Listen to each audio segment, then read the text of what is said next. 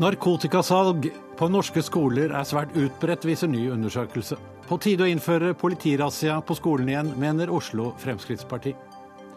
Miljøpartiene SV og Venstre er vanligvis enige om miljøsaker, men helt uenige om grønne sertifikater, det som i praksis er å subsidiere vindkraft. Er det bra for miljøet eller ikke? Fremskrittspartiet hadde rett hele tiden, mener VG-kommentator.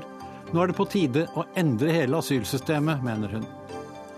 NHO-leder Kristin Skogen Lund har løsninger på hvordan eldre arbeidstakere skal bli mer attraktive i arbeidslivet.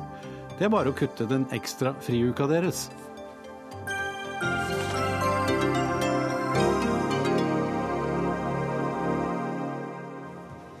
Velkommen til Dagsnytt 18 eh, også i dag, med Anders Magnus som vikar i programlederstolen. Først skal vi snakke om at elever over hele landet rapporterer om narkotikasalg på skolen. Ifølge en undersøkelse som Sentia har gjort for den ruspolitiske organisasjonen Aktis, er narkotika en vanlig del av skolehverdagen for mange. Hver fjerde elev mellom 15 og 20 år vet om tilfeller av kjøp og salg av dop på skolen. Mina Gerhardsen, du er generalsekretær i Aktis. Hvor vanlig er det at elevene møter opp i narkotikarus i skoletimene? Ifølge den undersøkelsen vi har eh, fått laget nå, så er det 20% av elevene som melder at de kjenner til tilfeller der elever har møtt opp rusa på narkotika til skolen. Hver femte elev kjenner til dette? Ja. Har dere noen idé om hvor mange som eh, gjør det, da? Vi har ikke tall på det. Generelt er jo rusbruken blant ungdom i Norge lav, men vi har en del miljøer hvor det er høyt. Og de tallene vi får inn her, stemmer med rapporter vi får fra både politi og skolefolk om at det er et økende problem. Eh, både med kjøp og salg i skolen, men også at eh, rusbruk har gått til å være et helgefenomen til å bli et hverdagsfenomen. At elevene også ruser seg skole, i skoletida. Mm. Eh, har, du, har du noe tall på om dette har økt de senere årene? Vi har ikke tall på kjøp og salg i skolegården f.eks. fra før, som jeg kjenner til. Så det vi vet, er at politiet nå opplever at det øker. Så det er en, mer en erfaringsrapportering vi har på det. At dette er et fenomen som, som vokser. Og det er jo et veldig viktig varsel til politikere og til skoler om å ta tak i det. At ikke den type miljø får lov til å få feste på skolene. For det, det å ha et trygt og rusfritt læringsmiljø, det bør være en selvfølge for alle. Liv Guneriussen, du er eh, leder for eh, FAU ved Lakkegata skole, foreldrenes arbeidsutvalg, eh, og du er selv lærer ved en videregående skole, Elvebakken i Oslo. Beskriv hvordan dopsalget foregår ved den skolen du, hvor du har ungene dine. Er en litt, vi er i en litt annen situasjon enn det som blir representert her. fordi jeg, Mine barn er jo små, de går jo på en barneskole. Så eh, det som er vårt problem, er jo at eh, den eh, narkotikaaktiviteten som før, tidligere skjedde nede på Plata i Oslo, nede i Oslo sentrum, den, etter at det ble jobba for å få fjerna den, så er det jo ikke sånn at det bare blir borte. Så det er flytt, den aktiviteten er flytta østover i byen. Så det vi opplever nå, er narkotikasalg og narkotikadealing rett utenfor skoledøra uh, vår på Lakkegata skole. Ja, er dette organisert? Dette er organisert. Det ja, hvem er det? Uh, det her er uh, gjeng, gjenger som kommer fra Romania og Bulgaria. Som er så Er det det vi kaller romfolk? Det er det vi kaller romfolk. Som har, har slått seg ned der. Så henter de narkomane ned, lenger ned i byen og så eh, eh, selger de narkotika. Eh, og Vi har vært i kontakt med eh, narkomane i området, og de forteller at de tilbyr alt. Og de narkomane vet at det finnes eh, narkotika i leiligheten rundt om. Eh, på, altså Ikke bare i bilene til romfolket det finnes narkotika, men også i, i leiligheter rundt i området. Ja, hvordan blir disse kundene hentet opp? Eh? det er mobiltelefoni, og mange av de som er på utsida der, er det er rett og slett gangsters. Det er mafiaaktige tilstander. Det er utrolig ekkelt. Og det går utover tryggheten for våre unger, og, og vi foreldrene føler oss heller ikke trygge. Nei, eh, Hvordan syns du da at kommunen og politiet håndterer dette? Dere har vel klaget på at det, går ut fra? Vi har jobba intensivt med dette så lenge. Eh, og skolen og de ansatte på skolen er ganske slitne av å ringe politiet mange ganger om dagen. Eh, jeg skulle ønske at myndighetene jobba bedre sammen. Syns du ikke de tar dette på alvor? Jeg tenker at politiet kunne gjort mer. Jeg syns det her er så alvorlig når det er narkotikasalg i to meter unna skoleporten. Vi snakker liksom store seddelbunker som blir overført, det er ikke småtterier. Og jeg tenker at her er det god, godt gammeldags politiarbeid og patruljering som skal til. og de, Politiet har gjort mye, men de har ikke nok ressurser til å, å være der. Vi trenger at det er noen til stede hele tida. Ja, Vi har invitert uh, kunnskapsministeren og politiet til å komme her, men uh, de hadde dessverre ikke anledning til å delta. Vi skal litt videre uh, til deg, Sylvia Helene Lind. Du er nyvalgt leder i Elevorganisasjonen. Velkommen. Nå får vi beskrevet narkotikaproblem i skolen på to måter. Altså Barneskolen, der selges du utenfor. Eh, og Så fortelles det også om videregående, hvor det selges i skolen. Du er jo eh, mest opptatt av videregående. Hvordan oppleves det når det foregår narkotikasalg både rundt skolen og på selve skole, i selve skolehverdagen? Selvfølgelig så oppleves det utrygt. Og det vi alle ønsker som sitter rundt dette bordet, det er jo at skolemiljøet skal være godt, det skal være trygt, og man skal lære godt. Eh, og det får man ikke når de selger eh, narkotika i skolegården, eh, eller når medelever kommer brusa. Nå vet man jo at det er, ikke, det er ikke ofte dette skjer, men man har statistikk, og politiet antyder at de ser trender i visse deler av store byer, f.eks. Og det er, det er virkelig tall vi må ta på alvor. Aina Stenersen, eh, leder i Oslo Fremskrittsparti. Har du opplevd eh, i din tid på skolen at elever har kommet ruset til undervisning? Det har jeg. Jeg har opplevd at de har vært ruset i samme klasserom, og at det har vært utstrakt salg også i, eh, i skolegården. Eh, og rundt skolegården. Jeg er født og oppvokst på østkanten, så det, det var vanlig. Det var vanlig? Det. Ja. Vanlig at de var rusa i timen også? Ja, det, det, var det. Og det som også er bekymringsverdig, er at det ikke er tatt hånd om før, eh, og at det er et eskalerende problem. Eh, og det vi har gjort, for vi har jo påpekt dette her ganske lenge, og vi ønsker jo da at Beskriv ja. først litt før du går løs på løsningene. Altså, hvordan påvirker det undervisningssituasjonen når, når, eh, elever er rusa i timen? Nei, altså det er jo ikke, Du lærer jo ikke når man er rusa i timene. Nei, men Går det utover de andre også? Det er klart det går utover de andre. Det går utover læringsmiljøet, eh, og det går utover samholdet, og det går utover konsentrasjonen. Eh, og det går utover også holdningene. altså Det smitter over. Terskelen blir lavere for at enda flere begynner å bruke rusmidler. Og det sprer fort om seg. altså Vanligheten brer seg, så det blir mye mer vanlig å gjøre det. Tror du dette er, er, gjelder de fleste videregående skoler? eh, i Oslo i dag? I Oslo så gjelder det veldig mange videregående skoler. Eh, det gjør det. Og det er flere rektorer som kjenner, sender bekymringsmeldinger. Og både lærere og ansatte og elever som gir bekymringsmeldinger om dette. Og Hva syns du man skal gjøre for å bekjempe det? Vi i Fremskrittspartiet har sagt at vi ønsker at det skal være tett og nært samarbeid med flere instanser. F.eks. Eh, selvfølgelig kommunen, eh, f.eks. barnevern, eh, f.eks. politiet. Sånn at man har et tverrfaglig samarbeid. Og vi har også lyst til at politiet skal samarbeide tett med lærerne, sånn at man kan ha bekymringssamtaler og problemsamtaler om dette her. For det er det viktig å stoppe tidlig, så man ikke utløper eller får et kriminelt rulleblad f.eks og havner ut av skolen. Men vil dere f.eks. gjeninnføre razziaer i Vi ønsker å ha razzia i klasserommet, ja det gjør vi. Nå, ordet razzia er et veldig sånn skremmende og stort ord, eh, men det man gjør er jo at politiet går inn på skolene sivilt, og så sier de fra til kontaktpersonell på skolen, lærere f.eks., og så henter de ut elevene av klasserommet, sånn at det gjøres mest mulig anonymt. Eh, og dette gjøres også på skolene fordi man ikke ønsker å gjøre det i hjemmene, hvor det f.eks. kan være mindreårige barn til stede. Eh, og nå så jeg jo også i, eh, i avisa at Jan Bøhler, eh, også fra Arbeiderpartiet, ønsker dette her. Og jeg har lyst til å si liksom velkommen etter, for dette har vært et problem som vi har pekt på lenge. Og det er viktig også å ivareta sikkerheten til elevene, og det er viktig å gjøre dette på en profesjonell og god måte. Og det har det gjort, og har blitt gjort. Og man har også hatt gode suksesshistorier med dette. Men nå gjør man ikke det, for i 2013 måtte politiet slutte med å komme uanmeldt med narkotikahunder inn i klasserommene etter at dere i Elevorganisasjonen truet med søksmål mot staten. Når du hører alle de problemene som, eh, som skapes både for læringsmiljø og rekruttering til eh, narkotikamiljø, er det ikke en grunn til å innføre det igjen nå, Linn? Nei da. Eh, selvfølgelig er det veldig faretruende og ting man må ta tak i. Det er et utbredt problem, og det er definitivt noe som vi også tar på alvor. Eh, vi bare mener ikke at narkorazzia med hund uten skjellig grunn til mistanke er veien å gå. Eh, vi mener at det må systematisk forebyggende arbeid til. Man må ha tillit mellom alle i sektoren. Man må snakke med organisasjoner, man må snakke med politikere. Men bør politiet være til stede på skolen? Selvfølgelig bør det. Se på Kuben yrkesarena f.eks. Tett dialog med politiet. De har gjerne besøk av politiet en gang i uka eller mer, men da er det ikke med hund, og det er ikke at man henter ut eh, tilfeldige elever eh, uten skjellig grunn til mistanke. Da er det på en måte et tilbud for elevene, og det at politiet er til stede på skolen er heller for at elevene elevene skal føle at det er trygt, istedenfor at de skal bli skremt.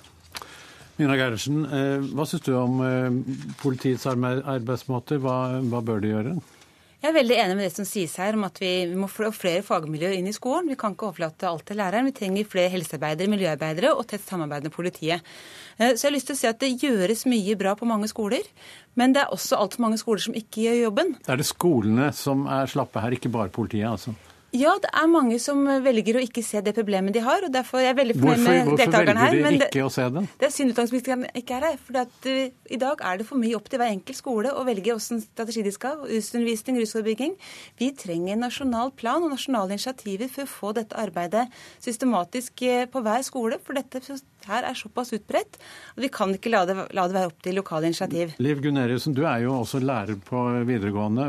Hvordan stiller du deg til Altså, Du opplever sikkert problemer fra den siden også? Ja, ikke, bare... ikke lærer på en hvilken som helst videregående. Jeg lærer på en flott videregående skole midt uh, i Oslo som ligger nede ved Akerselva. og Der hadde vi også mye problemer knytta til, uh, til, rus. Jeg sterkt uenig i at skolen ikke har eh, jobba med dette. Lærere og, lærerne, lærerne og de ansatte på skolen har lagt inn så mye ressurser i å få bukt med narkotika både på utsida og på innsida av, av Elvebakken. Og det har fungert veldig fint nettopp pga. at man har samarbeida mellom de forskjellige instansene, og at kommunen har satt inn eh, vakter og vakthold, eh, sånn at tilgangen på narkotika ikke er lik ned med elva, sånn som, sånn som det var tidligere. Så på Grünerløkka har man jo jobba, Grünerløkka i Oslo har man jobba masse med eh, denne eh, problematikken, og det skulle jeg ønske at vi men, fikk det tilsvarende sånn tilbake til det, et, et, et, et punkt hvor man var veldig uenig her. altså. Mm.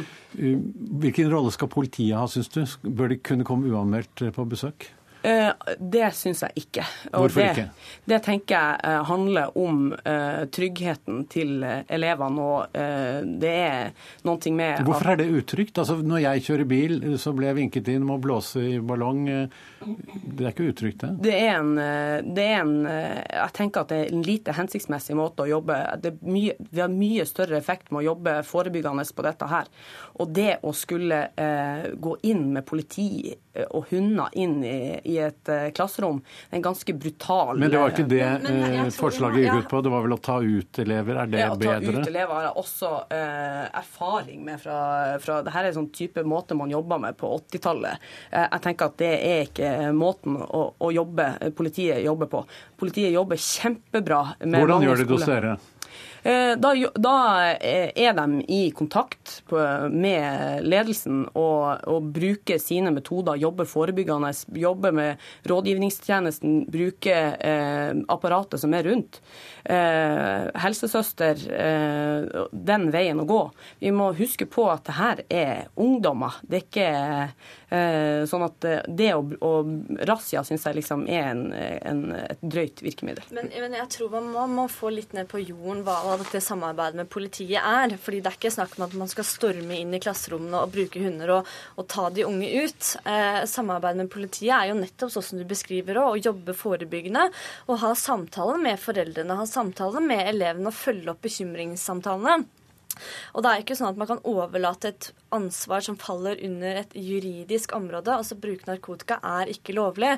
Eh, og da f.eks. å skulle bruke rusken for eksempel, eller andre instanser inn i et politiarbeid, det ønsker jeg ikke at man skal gjøre.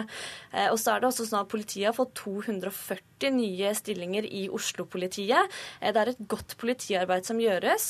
De samarbeider veldig godt med skolene, og de går ikke inn uten mistanke. Men nå sier jo, nå sier jo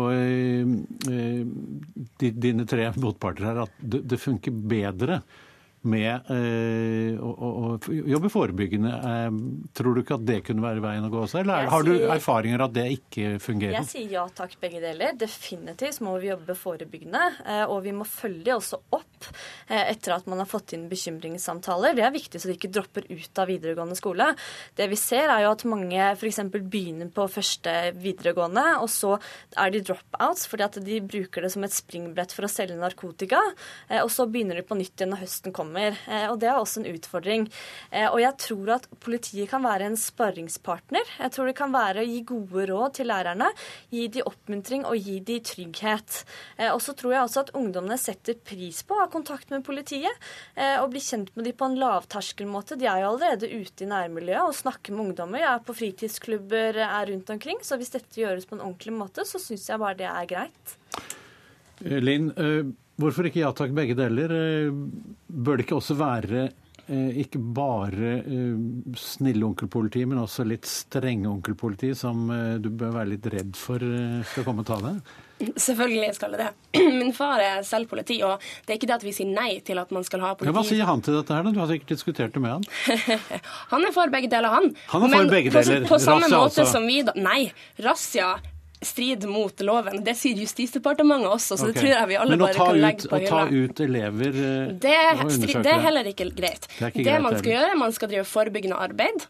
Og så må man selvfølgelig ta tak i der man har skjellig grunn til mistanke, der man tror det så sterkt at det er faktisk skjellig grunn, at de f.eks. besitter narkotika, eller at de selger det. De skal man ta ut. Selvfølgelig kan man ta og snakke med dem og ha en mer men hvordan skal man finne ut hvem det er, hvis man ikke kan eh, f.eks. Eh, sjekke det? Det er mange tiltak man kan bruke for å finne ut det. F.eks.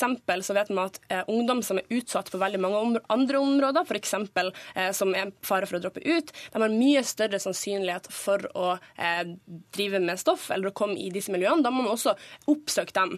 Målet må jo være at man klarer å stoppe det før det skjer, ikke at tror, man tar tak i dem i etterkant. Tror du at det går an å endre denne utviklingen? Ja, Tror, har du diskutert det med din far også? Tror han også det er mulig?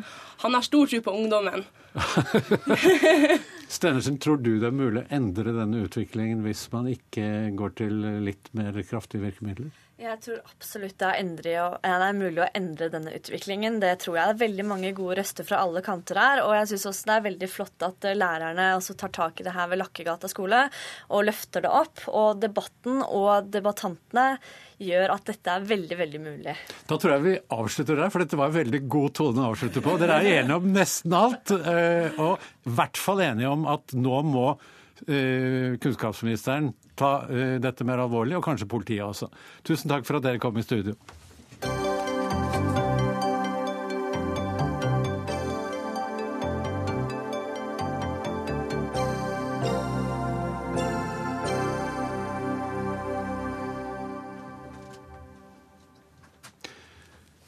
I går uh, bestemte faktisk stortingsflertallet seg for å kutte ut grønne sertifikater etter 2021.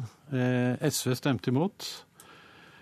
Dermed blir det altså ikke flere perioder hvor utbygging av ny fornybar energi som vindkraft og småkraft skal subsidieres over strømregningen som du og jeg betaler. Og Norge blir trolig det eneste landet i Europa uten subsidier til vindkraft.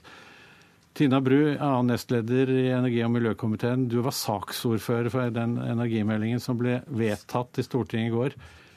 Hvorfor er det ikke lenger miljøvennlig å stimulere til utbygging av vindkraft? Nei, Først og fremst så er det jo et uh, bredt flertall i Stortinget som nå er, enige om at det er riktig tid å si at nå skal vi avvikle sertifikatene etter uh, eh, 2021. Uh, mange sertifikater kommer fortsatt til å løpe frem mot 2030, så det er ikke full stopp. Men at vi har sagt at nå er tiden en annen. Før... Tiden en annen, det høres ja. litt slapt ut Nei, men som argument. Innførte, når man innførte sertifikatsystemet, så var man i en helt annen situasjon. Man hadde kraftunderskudd, man trengte mer fornybar kraft. Norge hadde forpliktet seg til EUs fornybardirektiv, måtte øke fornybarandelen. Og nå har det kraftoverskudd, og ja. det fører til at prisene går ned. Og vi Nemlig. som er forbrukere syns det er aldeles flott. jo, Hvorfor det, skal du stoppe det, da? Det svekker lønnsomheten i våre felles ressurser, som er nettopp vår fornybare kraft. Og så øker det prisene?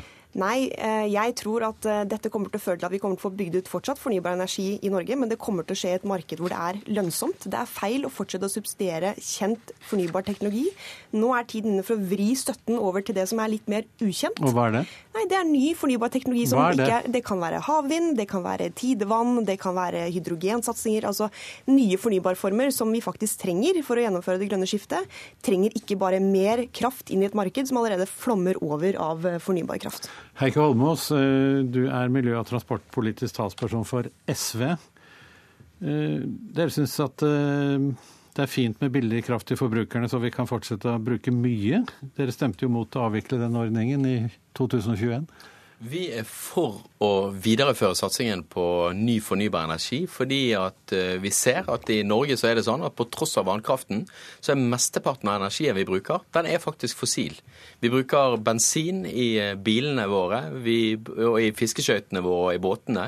Vi bruker olje og gass i industrien, og vi bruker gass på sokkelen til å drive alle turbinene der ute. Og summa summarum så har vi behov for en betydelig mengde fornybar energi for å fase ut den fossile energien. Du mener at det kraftoverskuddet vi har i dag, det er eh, litt eh, at det avspeiler ikke realiteten i det vi trenger eh, om ganske få år? Nei, og energimeldingen sier jo veldig veldig klart ifra at mesteparten av energien vi bruker i Norge er fossil. og men da må du vri altså sånn at f.eks. mesteparten av bilene kjører på eh, elektrisitet? Da. Det er helt sant. og Derfor mener jo jeg at klimaambisjonene til regjeringen er veldig svake når de sier at nå er det stopp for ny fornybar energisatsing.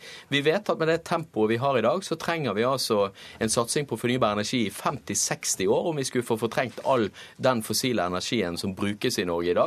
Den tiden har vi ikke. Og istedenfor å sette opp gassen og satse mer på fornybar energi og energieffektivisering, så trekker de håndbremsen sammen med Venstre eh, og setter oss altså ja, du nevnte, tilbake. Du nevnte Venstre. Altså, det er jo kanskje litt paradoksalt her at eh, Venstre og SV, som pleier nesten alltid å være enige om miljøsaker, denne saken er dere ikke eh, enige om. Ola Elvestuen, du er leder i energi- og miljøkomiteen for partiet Venstre. Hva er det som er feil med de grønne sertifikatene nå, da?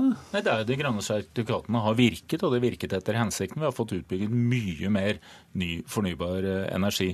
Men nå har vi fått et eh, kraftoverskudd, så nå må vi justere kursen. Ja, Men det, nå sier jo ikke... Holmås at det trenger mer eh, strøm fremover, bl.a. i elektriske biler. Han har, han har del, ja, han har delvis riktig at det vi nå må konsentrere kreftene om, er at vi skal redusere utslipp. Som vi jo også gjør.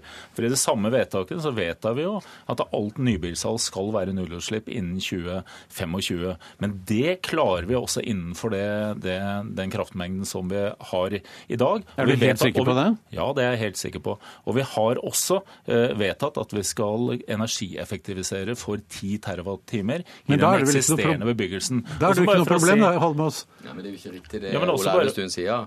Fordi at vi har jo ikke, vi trenger 70-80 TWh med ny fornybar energi om vi skal klare å fase ut all den fossile energien som brukes i dag. Det sa jo kraftbransjen sjøl på høringen som vi hadde i Stortinget om akkurat dette. Og disse, denne kraften kommer jo ikke når du drar i håndbrekken, sånn som Ole Elvestuen og Tina Bru sier at de skal. Ja, men dette er jo et mye lengre perspektiv, og vi skal fortsette satsingen. Men du skal fortsette satsing på det som er utviklingen av den nye teknologien, som Tina Bru sa. På havvind, på, på tidevann, på bølgekraft, på, også på sol, som er en viktig kilde også i Norge. Der skal du fortsette eh, satsingen. Eh, men det er altså sånn situasjonen er nå. Så vil det bare å fortsette med de grønne sertifikatene i det tempoet vi nå har, vil bare føre til at du får billigere priser, men du får også en helt unødvendig nedbygging av norsk natur. For det får du med vindkraftanleggene, og det får du med, med småkraft, som i stor grad er det som har støtta. Det sertifikatene først og fremst har ført til, er jo at norske strømkunder har vært med å finansiere en storstilt utbygging av fornybar energi i Sverige. Hva er det? Større... Nei, det er spesielt mye vind og sånne ting. Som I Sverige, i Sverige har... Det blåser mye mer i Norge. jo, men de har hatt eh, et annet regime som har vært gunstigere eh, for å få på plass eh, vindsatsinger der. Og det har funket der. og Det har ikke lykkes så godt i Norge, men det er også fordi at Norge har enormt mye vannkraft. Vi har ikke hatt det samme behovet for å trappe opp på samme måte som Sverige har, eller kommer til å ha i fremtiden. For Sverige er i en situasjon hvor de bl.a. skal fase ut atomkraft og sånne ting. Norge bruker bare fornybart i vår kraftsektor. Hvis, men jeg er enig med, jeg, jeg er enig med Heikki Holmås i en ting, og det er at det, det viktigste nå er at vi tar den krafta i bruk. Skal krafta vår være lønnsom i framtida, så må den brukes. Og hele den innstillingen som det er stor enighet i Stortinget på nå, på energimeldingen, og som Venstre og vi har snakket mye om, handler jo nettopp om hvordan du skal bruke krafta for å fase ut fossilbruk i alle andre sektorer, som transport eller bygg, sånn som Ola Elvesund snakket om. Heikki Holmås, Er det mening i at uh, de grønne sertifikatene skal brukes til å betale for uh, fornybarsatsing i Sverige? Det burde vel vært i Norge dette skjedde? Kunne man ikke droppet Sverige i hvert fall? Men i 2007, når vi ble enige om å satse på disse grønne sertifikatene, da var det et krav fra opposisjonen med Høyre og, og Venstre om at vi skulle samarbeide med svenskene om å gjøre det. Hvis det er sånn at Høyre og Venstre syns det er dumt at det kommer utbygging i Sverige istedenfor å komme i Norge, vel, da kunne de lagt frem et forslag om å si at vi, vel, da skal vi ha en tilsvarende satsing i Norge ja, istedenfor. La, la dem svare på det med en gang, Bru. Nei, jeg mener at det er mange som jeg sa i sted, mange ulike årsaker til at den satsingen har kommet først og fremst i Sverige og ikke i Norge. Men i Norge nå så handler det faktisk om skal vi få til det grønne skiftet, så må vi satse på teknologi. Jo, Men vi har jo ikke bygd ut noe vindkraft i Norge. Vi har, Kunne vi ikke fortsatt... Vi har bygd ut masse ja, vindkraft i Norge, men poenget er at det kommer fortsatt til å bli bygd ut vindkraft i Norge også. Men den som er lønnsom, de beste prosjektene Det er litt merkelig å høre SV sitte her og snakke som at altså Stort sett er de imot alle inngrep i naturen. Nei, eh, om det er vassdrag eller om det er vind. Men de gode prosjektene kommer til å bli realisert uansett. Heidi Sørensen, tidligere miljøvernminister for SV, sa jo at å vedta elsertifikatene var noe av det dummeste hun hadde gjort i sin politiske karriere. Jeg mener de funket etter hensikt når vi trengte de, når vi hadde et underskudd. I dag har vi ikke det. Det svekker og ødelegger markedet. Nå er tiden inne for å gjøre noe nytt. Du skal få ordet, men først Holmås, du må få svare på det der med å ødelegge naturen. for det Storstilt utbygging av vindkraft er det jo veldig mange som er imot, bl.a. Naturvernforbundet. Absolutt. Og vi mener at du skal bygge ut de beste prosjektene der de har minst miljøinngrep. Men vi er for utbygging av ny fornybar energi, og vi, er, vi, mener det er helt nødvendig å gjøre det for å sørge for å fortrenge den fossile energien. Og som sagt, altså, hvis du ikke har en plan for å fase ut eh, den fossile energien, da har du lave klimaambisjoner. Hvis du lager en plan, da ser du at du trenger 70-80 TWh, og da trenger du en fortsatt satsing på fornybar energi. Nå er det Elvestuen som skal få ordet. Du må også justere kursen etter hvor du er. For de grønne sertifikatene har virket. Og vi har gjort, også gjort tiltak for at investering skal komme i Norge. Vi endrer avskrivningsreglene for, reglene for vindkraft. Vi har sørget for å ta likere regler med Sverige for å få mer investeringer her. Og de skal løpe fram til 2021, og de skal betales fram til 2030-2035. Men vi må også passe på at på veien mot det lavutslippssamfunnet vi skal ha, hvor vi skal redusere utslipp, så må vi ikke ødelegge fullstendig markedet for de aktørene som skal jobbe med dette. For det er ikke noe tvil om at i kraftbransjen så har lønnsomheten falt betydelig. Og det må vi også ta hensyn til når vi skal legge vi, når vi skal justere. Vi må få nei, vi må, sånn nei alle, system, alle, systemer har innebygde skjevheter. Så her sånn, Vi har lykkes med dette. Nå må vi justere kursen. Vi må ikke subsidiere videre på det som er den modne eh, teknologien, som er vind og vannkraft. Vi må nå satse på det som er de nye teknologiene. Det er havvind, det er tidevann, det er bølge, det er sol, eh, det er salt. Det er, mye av dette som vi må legge trykk på. Jeg får den satsingen, men jeg mener at Ola Elvestuen tar feil. Ekte teknologioptimister tar teknologien i bruk. Og Hvis du ser hva støtten til fornybar eh, vind f.eks. har gjort i løpet av de siste 10-15 årene Tenk deg en vanlig vindmølle for 15 eh, år siden var omtrent en tredjedel, en fjerdedel av størrelsen av det de nye vindmøllene er i dag. Så det viser at det å satse på den fornybare energien, det fører også til en teknologiutvikling som gjør at vi kommer videre og skaper mer lønnsomme næringer. Og det er ikke riktig at eh, det jo eh, at en videreføring av sertifikatordningen ville slå beina under, eh, under industribransjen. Vannkraftbransjen har opplevd en nedgang i prisene sine nå, men vindkraftbransjen ser jo at dette har vært avgjørende. Og de folkene som representerer vindkraftbransjen, sier jo at det regjeringen gjør nå, det spenner beina under den bransjen som er i vekst og i oppstart. Og det er ikke det grønne skiftet. Men det jeg synes er litt, altså jeg vet at jeg som Høyre-representant nok har mer tro på markedet enn det Heikki Holmås har, og løsningene i markedet. men Heikki Holmås må også anerkjenne at kraftprisen faktisk har noe å si. At lønnsomheten i prosjektene har noe å si. Og det er en grunn til at det er kun de aller største prosjektene som klarer å skaffe lønnsomhet i Norge, fordi man har en lav kraftpris, som, som er et følge av et stort kraftoverskudd, bl.a., og andre ting. Nå her må jeg, må jeg, må jeg rett og slett si Tusen takk for eh, denne opplysende debatten. Det er veldig interessant at det er ulike syn i miljøbevegelsen så å si her. Tusen takk for at dere kom til studio.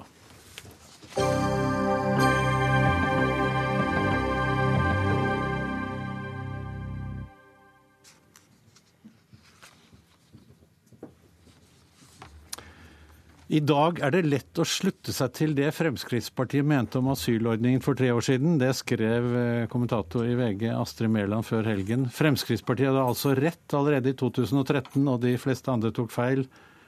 Eh, Astrid Mæland, eh, kommentator i VG, velkommen. Tidligere var du veldig kritisk til Fremskrittspartiet i dette spørsmålet. Nå gir du dem rett. Hvorfor det? Ja, først så må jeg fortelle hva spørsmålet handler om. Det var om eh, de internasjonale reglene for flyktning og asyl. Som eh, Frp i 2013 ba om en eh, internasjonal gjennomgang av å ta et initiativ til at vi skulle forandre. Det kom i en eh, rapport som eh, Frp ga ut i 2013, som sagt, rett før valget. To uker før valget, tror jeg det var.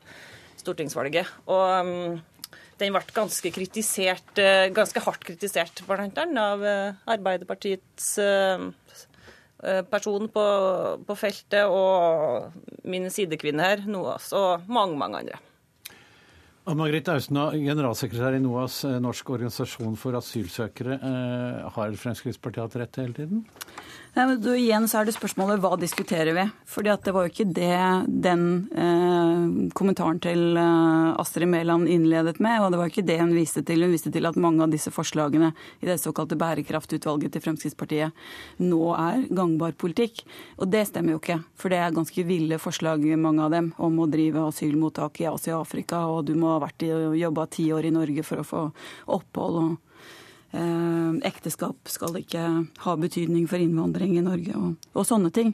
Så eh, for meg blir det en kortslutning eh, når hun vil begrunne et bedre internasjonalt samarbeid om flyktninger, hvis det er det hun vil, med en politikk som er den mest nasjonalt nærsynte og egoistiske som foreløpig er kommet i rapportform.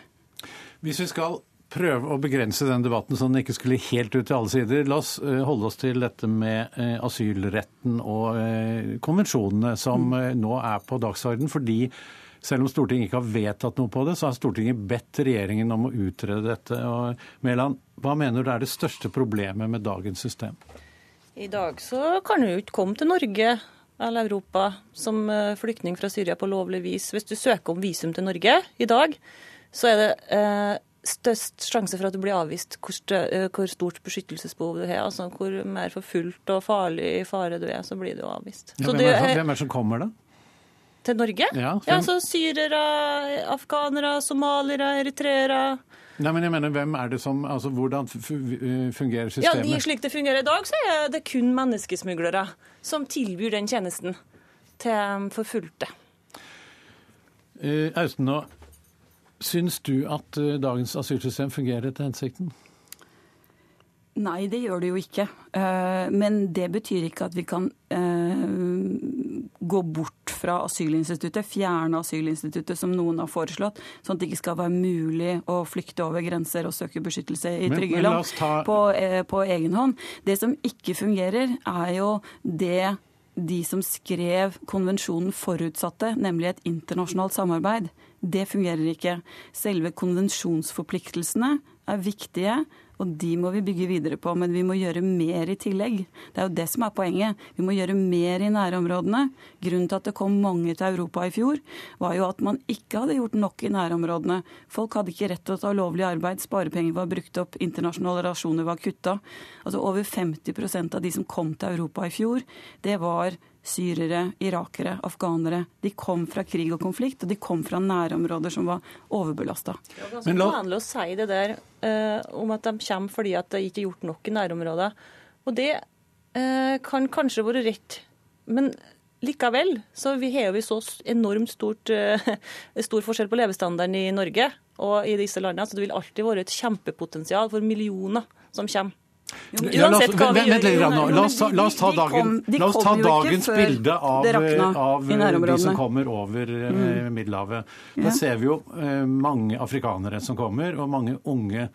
Og uh, til Norge har det også kommet uh, unge asylsøkere fra f.eks. Albania. De får 48 timers behandling i Norge, har fått det siden tidlig på 2000-tallet, ja, og er, er, ute igjen eh, rimelig raskt. Hvis de er under 18 år, ja, enslige mindreårige blir jo vurdert, men det er ikke beskyttelsesgrunnlag. Så også enslige mindreårige blir returnert til Albania hvis ikke de har en helt spesiell sak. Og det er jo og, og, det er store grupper av albanere og kosovarer som kommer til Europa. Og litt av problemet i Tyskland og Sverige har jo vært at de har gått inn i den regulære asylprosessen inntil det kom så mange andre i fjor. Så først da begynte de med den type hurtigbehandling som Norge har hatt i mange år. Men alle afrikanere som kommer, hva, ja, men må ikke blande sammen. Hovedgruppen av de som kom til Europa i fjor, de kom via Tyrkia og Hellas. Hovedgruppen der kom fra krig og konflikt. De, de, jo, en tredjedel er syrere. Det er den største gruppen av de som kom. Til sammen så var det over 50% De kom fra Syria, Afghanistan og Irak. Ja, det var 23 fra Men Mæland, er, er problemet er, det du beskriver her, altså er det du er redd for, er det, er det at, at, folk de, feil, de får feil, vi får feil folk som får altså, beskyttelse? Eller er det hvor mange som kommer? Altså, det, det, som er urettferdig med det, som jeg er sikker på at noen av oss egentlig òg er enig i, at um, de sterkeste som klarer å komme seg hit, klarer å betale en menneskesmugler, uh, de får opphold. Og det er jo overveiende uh, menn, unge menn. Blant unge så er det jo nesten bare gutter. Så det er jo ikke like mange av de aller sykeste. Kanskje av kvoteflyktninger så får de komme, men det det altså det er dem som har råd. Du vil bytte ut uh, ja, de asylsøkerne med de som sitter i leirer, f.eks.? Ja, dem som har behov for uh, beskyttelse. Ja, men er ikke dette et godt forslag? Nei, men samtidig så er hun jo tvilende til om det er nødvendig å gjøre mer i nærområdene.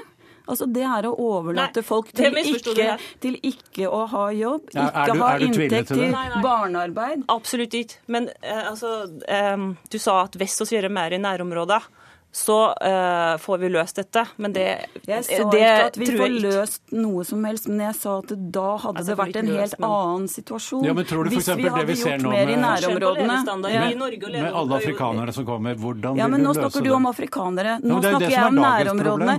Nei, men vi snakker forskjellig om konflikter. Snakker vi om økonomiske migranter, så snakker vi om økonomiske ja, migranter. Vi, vi snakker... Og da har vi innvandring som kan regulere det. Ja, men Når hvordan vil du regulere det? For de kan jo få asyl, de også. Altså, de. Nei, de kan ikke det hvis de er økonomiske migranter migranter. De får ikke asyl, men de Nei. kommer og søker asyl, ja, så de belaster systemet. I liten grad. De utgjør en mindre andel. Men av de som kommer over Middelhavet nå, så gjør, utgjør de en større andel. Ja, så Hvordan ta, takler vi, vi det? Ja, men Derfor kan vi ikke slå sammen de som kommer fra krigen i Syria via Tyrkia, og som nå strander i Hellas, og blant dem er det et flertall av kvinner og barn før den avtalen trådte i kraft, så var det et flertall av kvinner og barn som kom eh, sjøveien fra Tyrkia til Hellas, og som nå har strandet i Hellas. Sånn at vi, vi kan ikke bare stoppe en mulighet for folk til å søke beskyttelse, eh, og så samtidig ikke gjøre noe annet. Og Du kan ikke drive hele tiden og snakke vekselvis om økonomiske migranter og flyktninger. Flyktninger har vi en helt egen forpliktelse overfor. Det gjelder andre regimer overfor økonomiske migranter. Hvis tilbake til utgangspunktet her, så var det jo slik at eh, det her enigheten som, eh, om utredning av konvensjoner osv., den kom i fjor etter at den flyktningstrømmen eh, ble uhåndterlig for norske myndigheter. Og det var mitt poeng, at da har Frp en, en slags, ikke en fiks ferdig, men de har et forslag som de andre kasta seg på, flertallet på Stortinget gikk inn for det. Og, og så kan jeg godt si at det var kontekst osv. At ja, da trenger vi et, eh, en, løsning, eller en, en muligheter. Men det er jo lurere å gjøre det her på forhånd enn å vente til det står Hva bør man gjøre nå? Altså, ta dette initiativet videre, at regjeringa eh, tar det opp i internasjonale fora og prøver å, å komme, komme, i gang med forhandlinger. Og det her er jo ikke bare noe som Frp og stortingsflertallet vil, det er internasjonalt eh, stor støtte for det. Og UDI-direktøren Frode Forfang òg har vært inn på det samme sammen med internasjonale forskere og organisasjoner. Ja, Den internasjonale støtten tror jeg avhenger av hva vi snakker om. Men, men la oss ta Forfang, som er UDI-sjef i Norge. Han har jo også sagt det samme. Jo, er ikke det et godt forslag? Jo men han har jo ingen forslag til hvordan dette konkret skal gjøres. Han vil jo avvikle asylinstituttet, men ikke før vi har et internasjonalt regime som faktisk beskytter i nærområdene og gir livsgrunnlag i nærområdene, og et system som faktisk henter ut kvoteflyktninger. Ja, nå er dessverre ikke Forfang her til å svare for nei, seg, men, nei, men, men, men litt, og, og, poenget er at formu, jo, men eh, formuleringen av det som Stortinget sa, er jo at man skal gjennomgå konvensjonene for at Norge og det internasjonale samfunnet skal være best mulig rustet til å håndtere store migrasjonsbølger. Ja, og Da også, snakker vi om, også om de afrikanerne afrikanerne som kommer. Ikke sant? Igjen så blandes det sammen. Migranter og flyktninger. Ja, men hvordan vil og, du skille jo, men Flyktningkonvensjonen snakker ikke om økonomiske migranter. Nei, Den snakker men, men, om beskyttelse ja, asyl, og folk som er forfulgt. Asylinstituttet gjelder ja. også ofte for migrantene. Nei, det gjør ikke det. Jo, de, kommer, de, de kommer og søker sak, asyl. De får sin sak prøvet. Men, men, hvordan vil du skille ikke. Hvordan vil du skille disse to jo, og De må jo få en skikkelig behandling. For man kan ikke vite på forhånd hvem som har et reelt og individuelt eh, grunnlag for beskyttelse. Sånn at det må vi gjøre. Men poenget mitt er at det, det, kan, det som trengs i de internasjonale konvensjonene, er ikke å fjerne muligheten til å søke beskyttelse, men et forpliktende internasjonalt samarbeid om faktisk å gjøre lovlige veier tilgjengelige for de som trenger det. Det er jo som har tatt til orde for å fjerne muligheten for å søke om beskyttelse. Jo, det er jo det, det er, dette her er du vel enig har, fremmet? At det er, at det er mål, veien videre må være å, å, skape andre veier og søke beskyttelse? Nettopp. nettopp. Ja. Og, og, da må du altså, endre også de andre poenget reglene? Poenget er jo at det her er, skal ikke overlates til menneskesmuglere, til ulovligheter, til å tyne fattige folk for penger, og at de sterkeste får beskyttelse. Nettopp. Da må vi dessverre avslutte debatten på det punktet. Det er en relativ enighet i hvert fall om at det må komme nye regler som er bedre enn de vi har nå.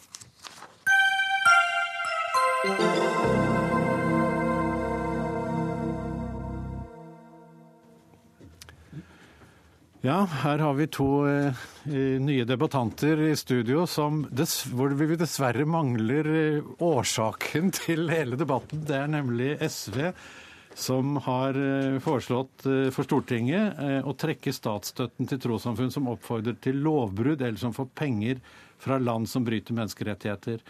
Og Hele Stortinget har sluttet seg til dette og kommer til å vedta det på torsdag.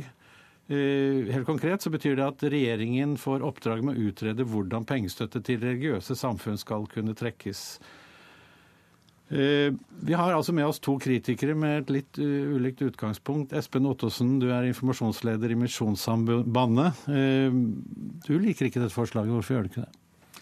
Jeg er i hvert fall skeptisk når det kommer fra SV, for å si det litt flåsete. Men det er klart at når begrunnelsen jeg nå har hørt Audun Lysebakken gjenta gang etter gang etter gang, er at vi kan ikke subsidiere intoleranse, da melder jeg litt pass. Eh, fordi at jeg synes SV er veldig raske til å kalle alt mulig for intoleranse. Slik at hvis alt det SV kaller intoleranse skal miste statsstøtten, da er det et par-tre eh, sosialdemokratiske menigheter som får beholde statsstøtten. Så det er på en måte den retorikken jeg har reagert på. Ja, Nå har vi jo ikke SV her. De kunne dessverre ikke stille til denne debatten. Eh, Lars Gule, du er ekstremistforsker og førsteamanuensis ved Høgskolen i Oslo og Akershus, men du har jo også vært generalsekretær i Human-Etisk Forbund, så du har en litt annen vinkel på dette enn Ottesen. Men du er enig med han allikevel? Veldig langt på vei. Og det henger sammen med at eh, i denne sammenhengen er mitt anliggende å forsvare eh, tros- og livssynsfrihet. Eh, og jeg har vanskelig for å se for meg hvilken offentlig byråkratisk instans som skal gå inn og gjøre disse ulike vurderingene av eh, hvilke menigheter som eh, gjør noe galt. For det første så må vi jo huske på at det å oppfordre til ulovligheter er ulovlig. Og da er det jo den som kommer med oppfordringen, som skal eventuelt straffes og straffefølges for det. Her legger man jo opp til en kollektiv avstraffelse hvis en prest eller en imam sier noe som da myndighetene reagerer på.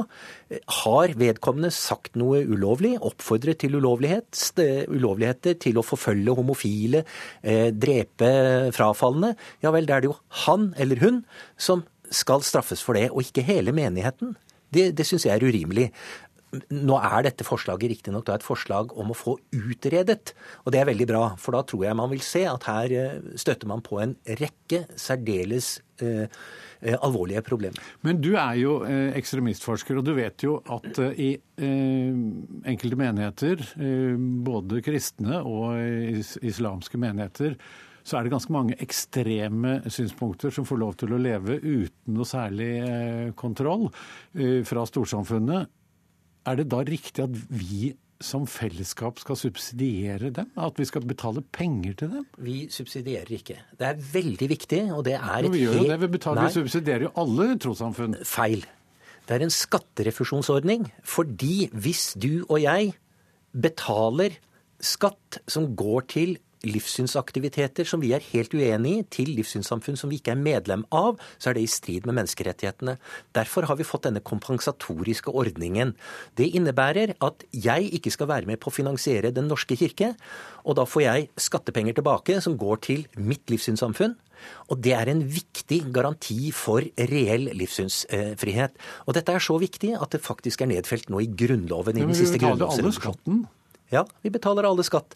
Og derfor så får jeg skattepenger tilbake til mitt eh, livssynssamfunn. Ja, Hvis ikke du har noe livssynssamfunn, du? Ja, det er ca. 150 000, og de er nettopp i en problematisk situasjon. Det blir riktignok en annen debatt. Den kunne godt tas opp i en prinsipiell debatt om hvordan vi finansierer ulike tros- og livssynssamfunn, inkludert Den norske kirke. Men så lenge vi har Den norske kirke, som finansieres over statsbudsjettet, så er vi faktisk nødt til å leve med at også menigheter, trossamfunn, livssynssamfunn Men ville som... du ønsket at uh, man ikke skulle uh, gi penger fra staten i det hele tatt til trossamfunn? Det er et interessant og viktig standpunkt. Personlig så hører jeg med til dem som mener at tros- og livssynsaktiviteter er viktige og fortjener støtte. Eh, derfor, men jeg skulle ønske at vi kunne få dette på en annen basis enn som en kompensatorisk ordning, slik vi har det i dag. Jeg synes Det er et veldig viktig poeng her. og det er jo at Hvis man gir støtte til noen eh, trossamfunn, eh, og ikke, eller fratar da andre trossamfunn denne støtten, så foregår det jo en diskriminering av trossamfunn. Eh, og det jeg er opptatt av at Skal man ta fra statsstøtten fra noen, så må man jo ha en veldig god grunn for det. det Men du, hvis, det, hvis det f.eks. er trossamfunn hvor man diskriminerer kvinner, og det finnes jo både kristne og islamske, hvorfor skal de få støtte når de åpenbart bryter mot hele likestillingstanken i det norske samfunnet? Altså jeg, for det første så tror jeg jo at de aller fleste som gjør dette, jeg tilhører sjøl en organisasjon som ikke følger norsk likestillingsidealer fullt ut, så tenker jeg at det er bare de som er medlemmer i dette trossamfunnet eller denne organisasjonen som får disse pengene. og Det er altså en kompensasjon for skattepenger. Hvis jeg mener at det er helt høl i huet at et trossamfunn eh, får disse pengene eller får denne støtten, ja da melder jeg meg jo ut av dette trossamfunnet, og så blir de pengene borte. Det handler jo om at staten gir støtte til alle trossamfunn, alle livssynssamfunn. Er du ikke redd for at, kan, at, man rett og slett på denne måten kan finansiere ekstremistiske trossamfunn som eh, rett og slett kan bli farlige? Jo, det kan jeg være redd for, og sånn sett så har jeg forståelse for intensjonen i dette forslaget. Men jeg tror Lars Gula har ganske rett i at når det kommer til saken, da, når man skal finne en måte å teste ut om disse trossamfunnene er ekstremistiske, så tror jeg man løper eh, inn i en del problemer. Det kan godt hende at man kan finne måter hvor man tar de som si, er virkelig eh, grove. altså Skulle det være noen imam eller et menighetsråd, det tror jeg ikke finnes, men altså noen som støtter etter da denne massakren i Orlando, så har jeg forståelse for at man reagerer på det, selv om problemet med kollektiv avstraffelse selvfølgelig eh, finnes. Men det at man skal sitte i, Norge og si at du må tenke som SV og Arbeiderpartiet om likestilling ja, hvis du skal få støtte. Nå er det jo ikke bare de partiene, da er det jo hele Stortinget, det er den norske ja, det nasjonalforsamling som kollektivt mener dette. Til Denne debatten kommer til å fortsette. Takk til dere, Gule Ottosen.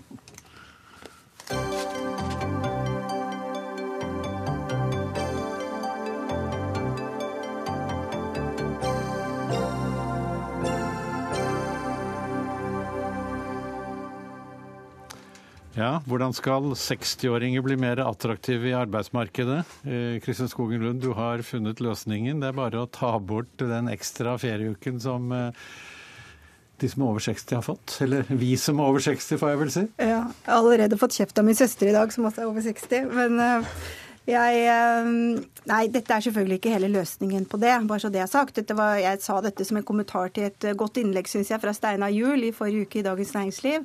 Men jeg tror vi må tørre å ha en debatt om eh, hvordan vi kan både få flere 60-åringer til å stå lenger i arbeid, men da tror jeg også vi må ta debatten om hvordan kan vi gjøre dem til en enda mer attraktiv arbeidskraft. For det er dessverre for mange 60-åringer som opplever at de kanskje blir valgt bort eh, i ansettelsesprosesser etc. Og det ønsker vi ikke. Vi vil ha flere inn.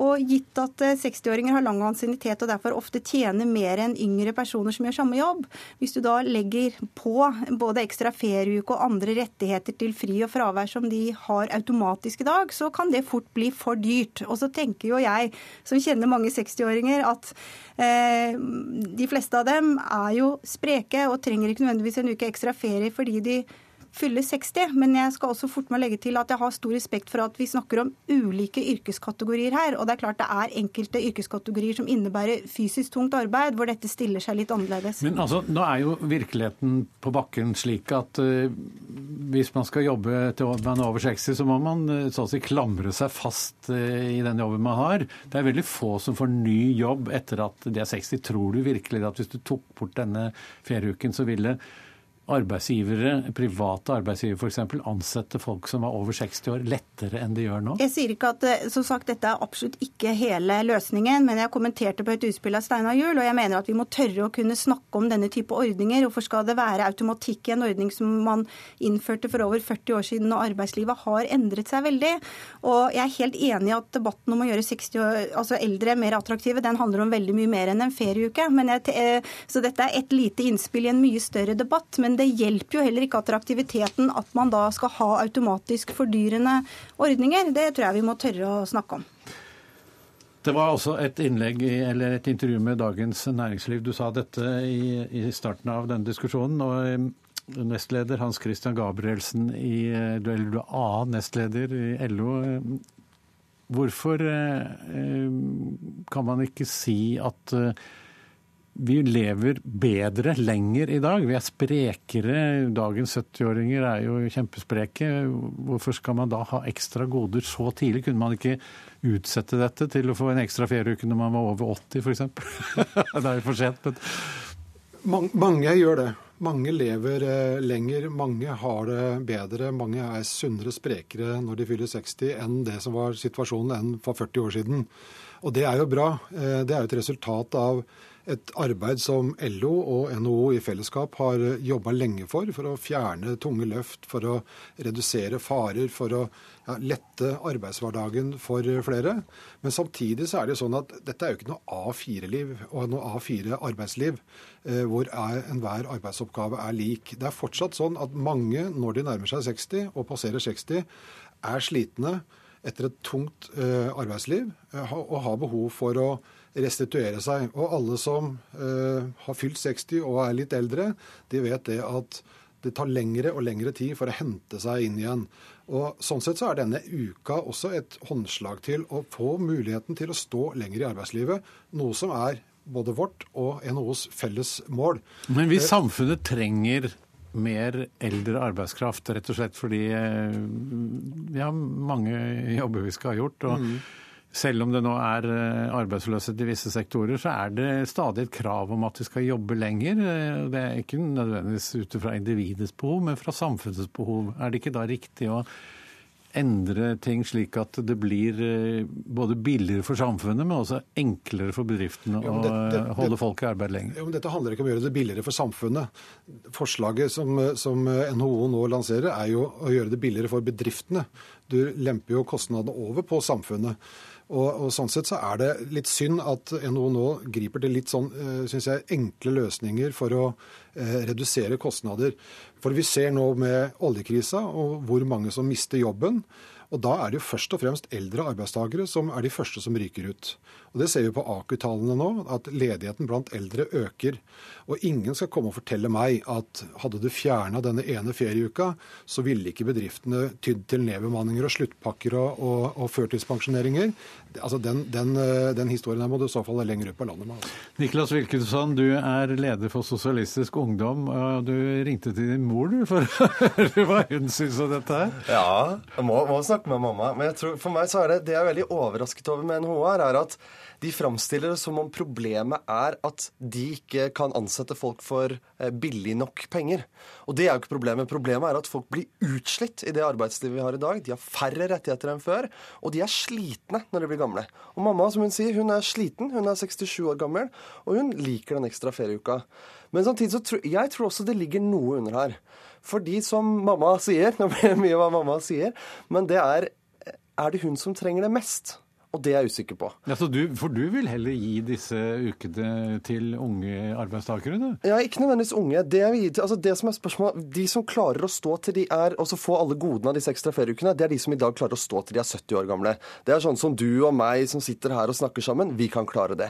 Helsefagarbeideren, min venninne Kristina som tar alle de tunge løftene, hun er en liten spinkel jente, hun vet vi at står i kjempestor fare for å gå av med pensjon hun, lenge hun før hun er 60. Denne uken til? Yes. Jeg lurer på om vi må begynne å spørre oss selv hvordan skal vi prioritere godene. Og jeg tror altså jeg vil Men hvordan vil du gjøre dette i praksis, da? Ja, altså Jeg mener at dette må jo være opp til partene i arbeidslivet. Så jeg kan jo kun komme med ønsker til disse fra meg som ungdom. Men jeg skulle ønske meg at de ordentlige sliterne i velferdssamfunnet, de kvinnene som tar de tyngste løftene, som helsefagarbeidere, som sykepleiere, de tror jeg har enda større lenger, du nevnte ikke jo, det. Jo, gjerne industriarbeidere også, men de vi vet, de vi vet at ikke klarer å stå til de er 60. For dette er jo, altså denne ferieuka er jo en bonus til fleksitidseliten som sitter på kontor, som min mamma, og det er veldig flott. Og jeg vil ikke godta NHO sitt forsøk på å stjele rettigheter uten å gi noe tilbake. Okay. Men hvis vi kan hjelpe de som trenger det, La oss ta denne utfordringen fra ungdommen. Men du, jeg tror det er veldig viktig å huske på Det forskes masse på arbeidslivet. Og det vi ser, de som står i arbeid lenge, det handler først og fremst om hvor godt de trives på jobben. Det er det aller viktigste. Og så har også pensjonsreformen gitt et økonomisk insentiv til å stå lenger, som har hatt en effekt. Disse ekstra godene som vi snakker om her, har så godt som ingen effekt i forhold til om folk velger å stå lenger eller ei. Så det må vi faktisk ha en viss respekt for. Og selvfølgelig er det grupper som er slitne, men altså det er mange småbarnsforeldre som er slitne også. Det er mange ulike grupper. Ja, Men kan du ikke fordele disse jo, godene men, på andre, jo, Men altså vi, eh, som sagt, jeg tror vi trenger Jeg går gjerne inn i, en, inn i en litt større debatt om hvordan vi kan få et mest mulig dynamisk og godt tilpasset arbeidsliv. Men det jeg ikke er en tilhenger av, det er automatiske goder fordi du tilhører en eller annen kategori, eller f.eks. fyller en, en, en, eh, et visst årstall. Det er det jeg mener er gammeldags arbeidspolitikk. Det må vi bort fra. Ja, men det, da, da befinner, befinner, vi oss inne i en diskusjon om behovsprøving. Og En av de si, mer suksessfulle delene vi har gjort i velferdssamfunnet vårt, er at vi har universelle ordninger, som barnetrygd, som, som den eh, ferieuka vi snakker om her. sånn. Og det er ikke sånn at eh, det handler om å velge om å stå lenger. For mange handler om muligheten til å kunne stå lenger. Og da har denne ferieuka vært nettopp et sånt incitament for å kunne ha mulighet til å stå lenger. Og for de som eh, Men det har ingenting å si. Veldig lite å si. Jo, men det er klart det har noe å si, ja, Kristin. Forskningen viser jo at det ikke er Nei, men det, sant, Dette handler om å gi de som er slitne, også muligheten til å kunne hente seg igjen. Jo, men nå sier jo Hulke det at, det som at vi som sitter på kontor og ikke har eh, tunge arbeidsdager, vi trenger ikke denne Nei, men ekstra da, arbeidsuken. Da, da må du inn i en behovsprøving, og da begynner vi å da begynner ja, men du kan jo behovsprøve bransjer, ikke individer. Nei, men jo, Hvordan skal du gjøre det? da? Skal du begynne å måle hvor lenge du har jobba i industrien, hvor lenge du har vært hjemmehjelp, hvor mange timer du har klokka inn på ulike steder, og så skal det sitte et svært byråkrati og må, og, Byråkrati? sånn, det, det, Vil du ha byråkrati? Gjøre ordningen mye mer kostbar. Du, du trenger faktisk ikke å gjøre det så vanskelig. Du kan si alle helsefagarbeidere for å ta et eksempel, alle helsefagarbeidere i Norge får en ekstra uke ferie. Ja, men leger ja. For jeg er veldig enig med Hans Christian Gabrielsen LO. Vi ønsker det samme. Vi er villige til å bruke penger på arbeidstakere. Men hvem er det som blir slitne? Vi vet, altså Det ble sagt her om pensjonsforliket. Pensjonsforliket har jo blitt et pensjonsran av sliterne i offentlig sektor. For de klarer, men de klarer ikke å stå til de er så Vi må sikre de som trenger hjelpen. Ta inn over oss at Norge går inn i en fremtid hvor vi rett og slett ikke kan betale for alt mulig til alle hele tiden. Vi må prioritere. Vi må klare å skape et arbeidsliv som rommer flest mulig. Og det er mange utenfor det arbeidslivet som også skal inkluderes i det arbeidslivet. Jeg mener vi skal bruke penger på å la folk få, en, få tilstrekkelig opplæring, tilstrekkelig kompetanse, sørge for at de får en fot innenfor arbeidslivet. Det skal vi bruke penger på. Og så skal vi som arbeidsgivere sørge for at vi eh, har folk som trives på jobben, som det blir tilrettelagt for på jobben, og så syns jeg vi ikke kan alltid starte debatten med at vi skal tviholde på alt som har vært. Vi må tørre å ta noen debatter og si at kanskje er, det, kanskje er tiden over for det, og så kan vi bruke dette på noe annet som er viktigere, f.eks. å integrere flere i arbeidslivet. Okay, for å avslutte litt personlig her, syns du det ville vært greit om du ikke fikk disse ukene når du kom I Ja, og jeg, og jeg, kommer til å fortsette å, å jobbe. Og så er jo jeg så heldig som at jeg har en ganske fleksibel jobb. Er det greit å miste de for deg personlig? Det handler ikke om hva som er viktig for meg personlig. Dette handler om Og jeg er helt Ja, enig ikke, Jo, men- ikke, Nei, nå har vi faktisk dette ikke mer er- tid. Dette er en ordning som, er, som Vi sørger er nødt til å vi har avslutte Dagsnytt 18, for tiden er faktisk ute. Ansvarlig for sendingen var Magnus Bratten, teknisk ansvarlig Finn Lie, og i studio satt altså Anders Magnus. Takk skal dere ha.